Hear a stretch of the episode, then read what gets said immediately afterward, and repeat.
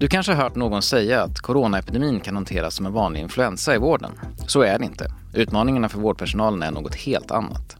Du lyssnar på Expressen förklarar. Jag heter Joakim Rydström och idag hör du från Expressens reporter Karolina Skoglund som pratat med läkare och sköterskor som kämpar mot coronaviruset på våra svenska sjukhus. Och det är en många gånger mycket krävande arbetssituation på intensivvårdsavdelningarna som har hand om coronapatienterna. En situation med helt andra förutsättningar än hur det brukar vara. Framförallt så handlar det om den här eh, skyddsutrustningen man har på sig som både är tidskrävande men som också gör att man behöver ha helt andra typer av rutiner. Man kan inte gå mellan patienter i den här skyddsutrustningen och det innebär att man behöver vara betydligt fler per patient för att ens kunna hinna med. Det betyder att det är varmt och svettigt och att man kanske bara kan jobba i x antal timmar i sträck med den här skyddsutrustningen på sig. Och framförallt innebär det att man inte kan dricka, du kan inte äta, du kan inte göra något sånt i skyddsutrustningen utan du måste hela tiden tänka på tre steg före hur du ska agera, var du ska någonstans. Du behöver till exempel kanske en sjuksköterska som är i medicinrummet och som levererar medicin in till intensivvårdsavdelningen och så vidare. Där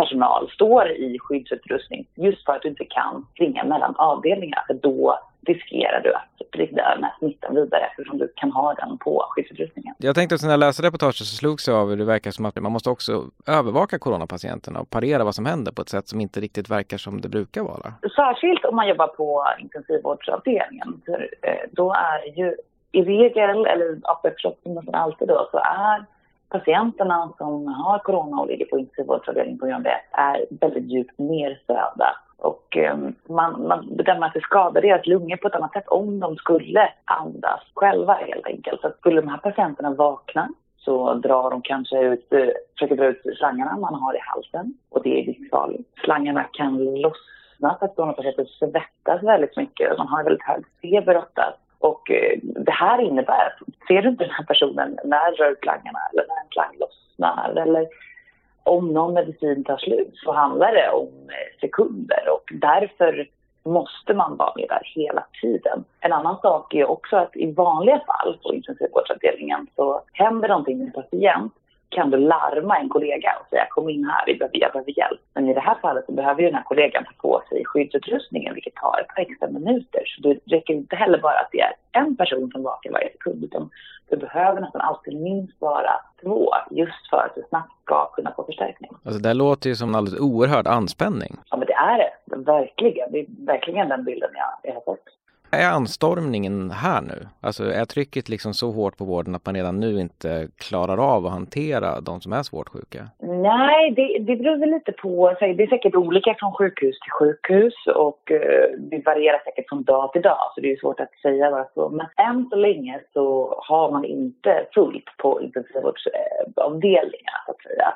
Så att den anstormningen är inte här. Däremot så vet man att den kommer och den kommer ganska snart och att vården börjar bli ansträngd, börjar bli riktigt tufft. För bara en vecka sedan så var man ändå med. Nu har man under kontroll och att det var till och med tomma platser. Nu börjar det verkligen, verkligen märkas. Men än så länge, så den bilden jag har fått i alla fall, så anstormningen inte så pass hård att man behöver välja bort patienter på intensivvårdsavdelningen. Man kan säga att eh, anstormningen inte riktigt är här, men en av de kvinnor du pratar med, hon hade jobbat i 104 timmar på de senaste två veckorna med den här anspänningen då som du beskrev nyss. Det låter inte som att det här kanske håller jättelänge. Ja, precis. Hon hade tagit, när jag pratade med henne, hade hon tagit ett dubbelpass dagen innan, så då hade hon jobbat 17 timmar. Och den här helgen så skulle hon i lördag jobba 17 timmar. I söndag så skulle hon då jobba på ett pass efter det och sen skulle man ledig.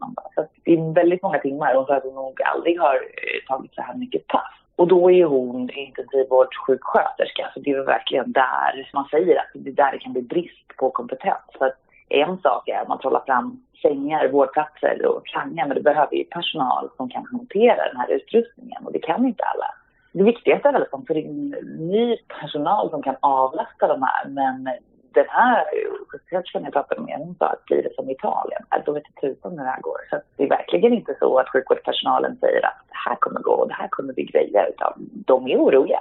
Men eh, Anders Tegnell har ju sagt att vårdpersonal inte är extra utsatt. Men i Italien har ju 24 läkare dött bara under de senaste två veckorna. Hur, hur ser de som jobbar i den svenska vården på liksom smittorisken mot sig själva och som faktiskt skulle påverka personalstyrkan? Nästan alla jag pratar med, både i det här reportaget och i andra sammanhang, sjukvårdspersonal, så är det det som är egentligen den stora oron. Vad händer om jag blir smittad och då kanske inte primärt för att, och vad händer om jag blir sjuk, utan att vad händer om jag blir smittad och kanske smittar vidare det till andra patienter. Och det finns också en oro om att, det är lite oklart exakt hur forskningen ser ut på det här och det är väl lite för tidigt fortfarande att säga.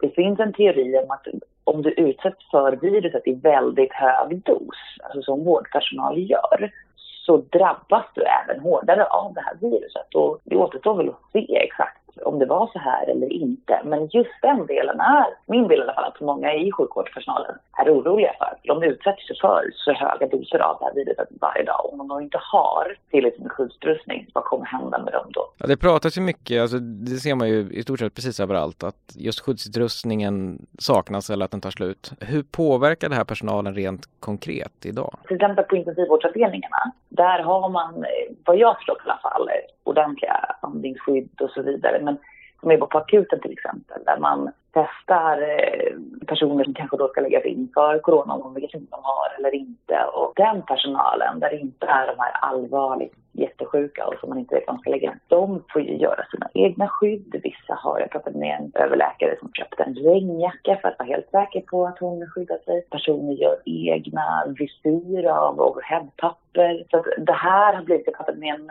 läkare på ett annat sjukhus som, där har de köpt upp munskydd på liksom, byggvaruhus själva. Så att, det här blir en fråga som sjukvårdspersonalen själva behöver lösa. Jag skulle säga att det är så det påverkar dem framför allt. Och att de är förbannade. De kan inte fokusera bara på att vårda patienter utan de behöver även fokusera på hur de ska skydda sig själva. Men när du pratar med vårdpersonal, är det något de nämner som uppenbart saknas eller som politiker liksom uppenbart har missat i allt det här? Något som de verkligen behöver för att göra sitt arbete utöver just att skyddsutrustningen inte finns? Alla undrar ju varför det inte fanns lager av skyddsutrustning som man kunde använda. Men egentligen så är de, de är ju förbannade över att man har sänkt nivån på vilket skydd som ska vara okej okay att ha i sjukvården. Till exempel tidigare så skulle du ha, enligt WHOs rekommendation, så skulle du ha långärmat.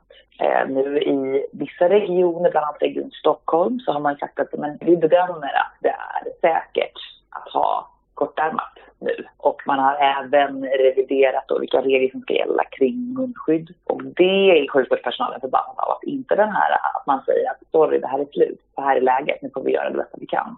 Utan istället att man då ändrar riktlinjerna och säger att nu har vi prövat om det här och nu är det okej okay med lite lägre utrustning. Och att det liksom inte verkar finnas någon tydlig evidens kring vad som är säkert och inte. Det är ett beslut som upprört många. Vad kommer hända tror du om det blir en anstormning och antalet fall dubblas eller till och med mångdubblas? Nu har man ju hunnit förbereda lite med de här fältsjukhusen och så vidare. Så det är väl lite svårt att säga hur bra det här kommer att funka. Men utifrån den information jag har fått så kommer det ju bli tufft med intensivvårdsplatserna. För det spelar ingen roll om man har till exempel man utbildar personal liksom, för att avlasta sjukvården och pensionärer kommer in och så vidare. Men det spelar ingen roll hur många som kommer in som inte kan ta hand om intensivvårdsplatserna. Så där behöver du kunna hantera en respirator, du behöver kunna hantera just den här utrustningen. Och den finns det inte obegränsat om i Sverige. Och det finns inte ens obegränsade antalet slangar och liksom antalet, liksom det materiella som krävs i intensivvårdsplatserna. Så att där kommer det bli jättetufft och jag vet att det är väldigt många inom sjukvårdspersonalen som är genuint oroliga för vad som händer. Så du har lyssnat på Expressen förklarar som i varje avsnitt fördjupar en aktuell händelse i nyhetsflödet. Lyssna gärna på något av de tidigare avsnitten där vi bland annat pratar med professorn Agnes Wold om hur man kan göra för att undvika att bli smittad av coronaviruset. Eller med Expressens utrikeskrönikör Mats Larsson om huruvida Kina tar över rollen som global ledare nu när EU och USA fortfarande har tuffa utmaningar kvar för att hantera coronakrisen. Du kan även följa Expressens nyhetsbevakning dygnet runt på Expressen.se, i vår app och i Expressen TV.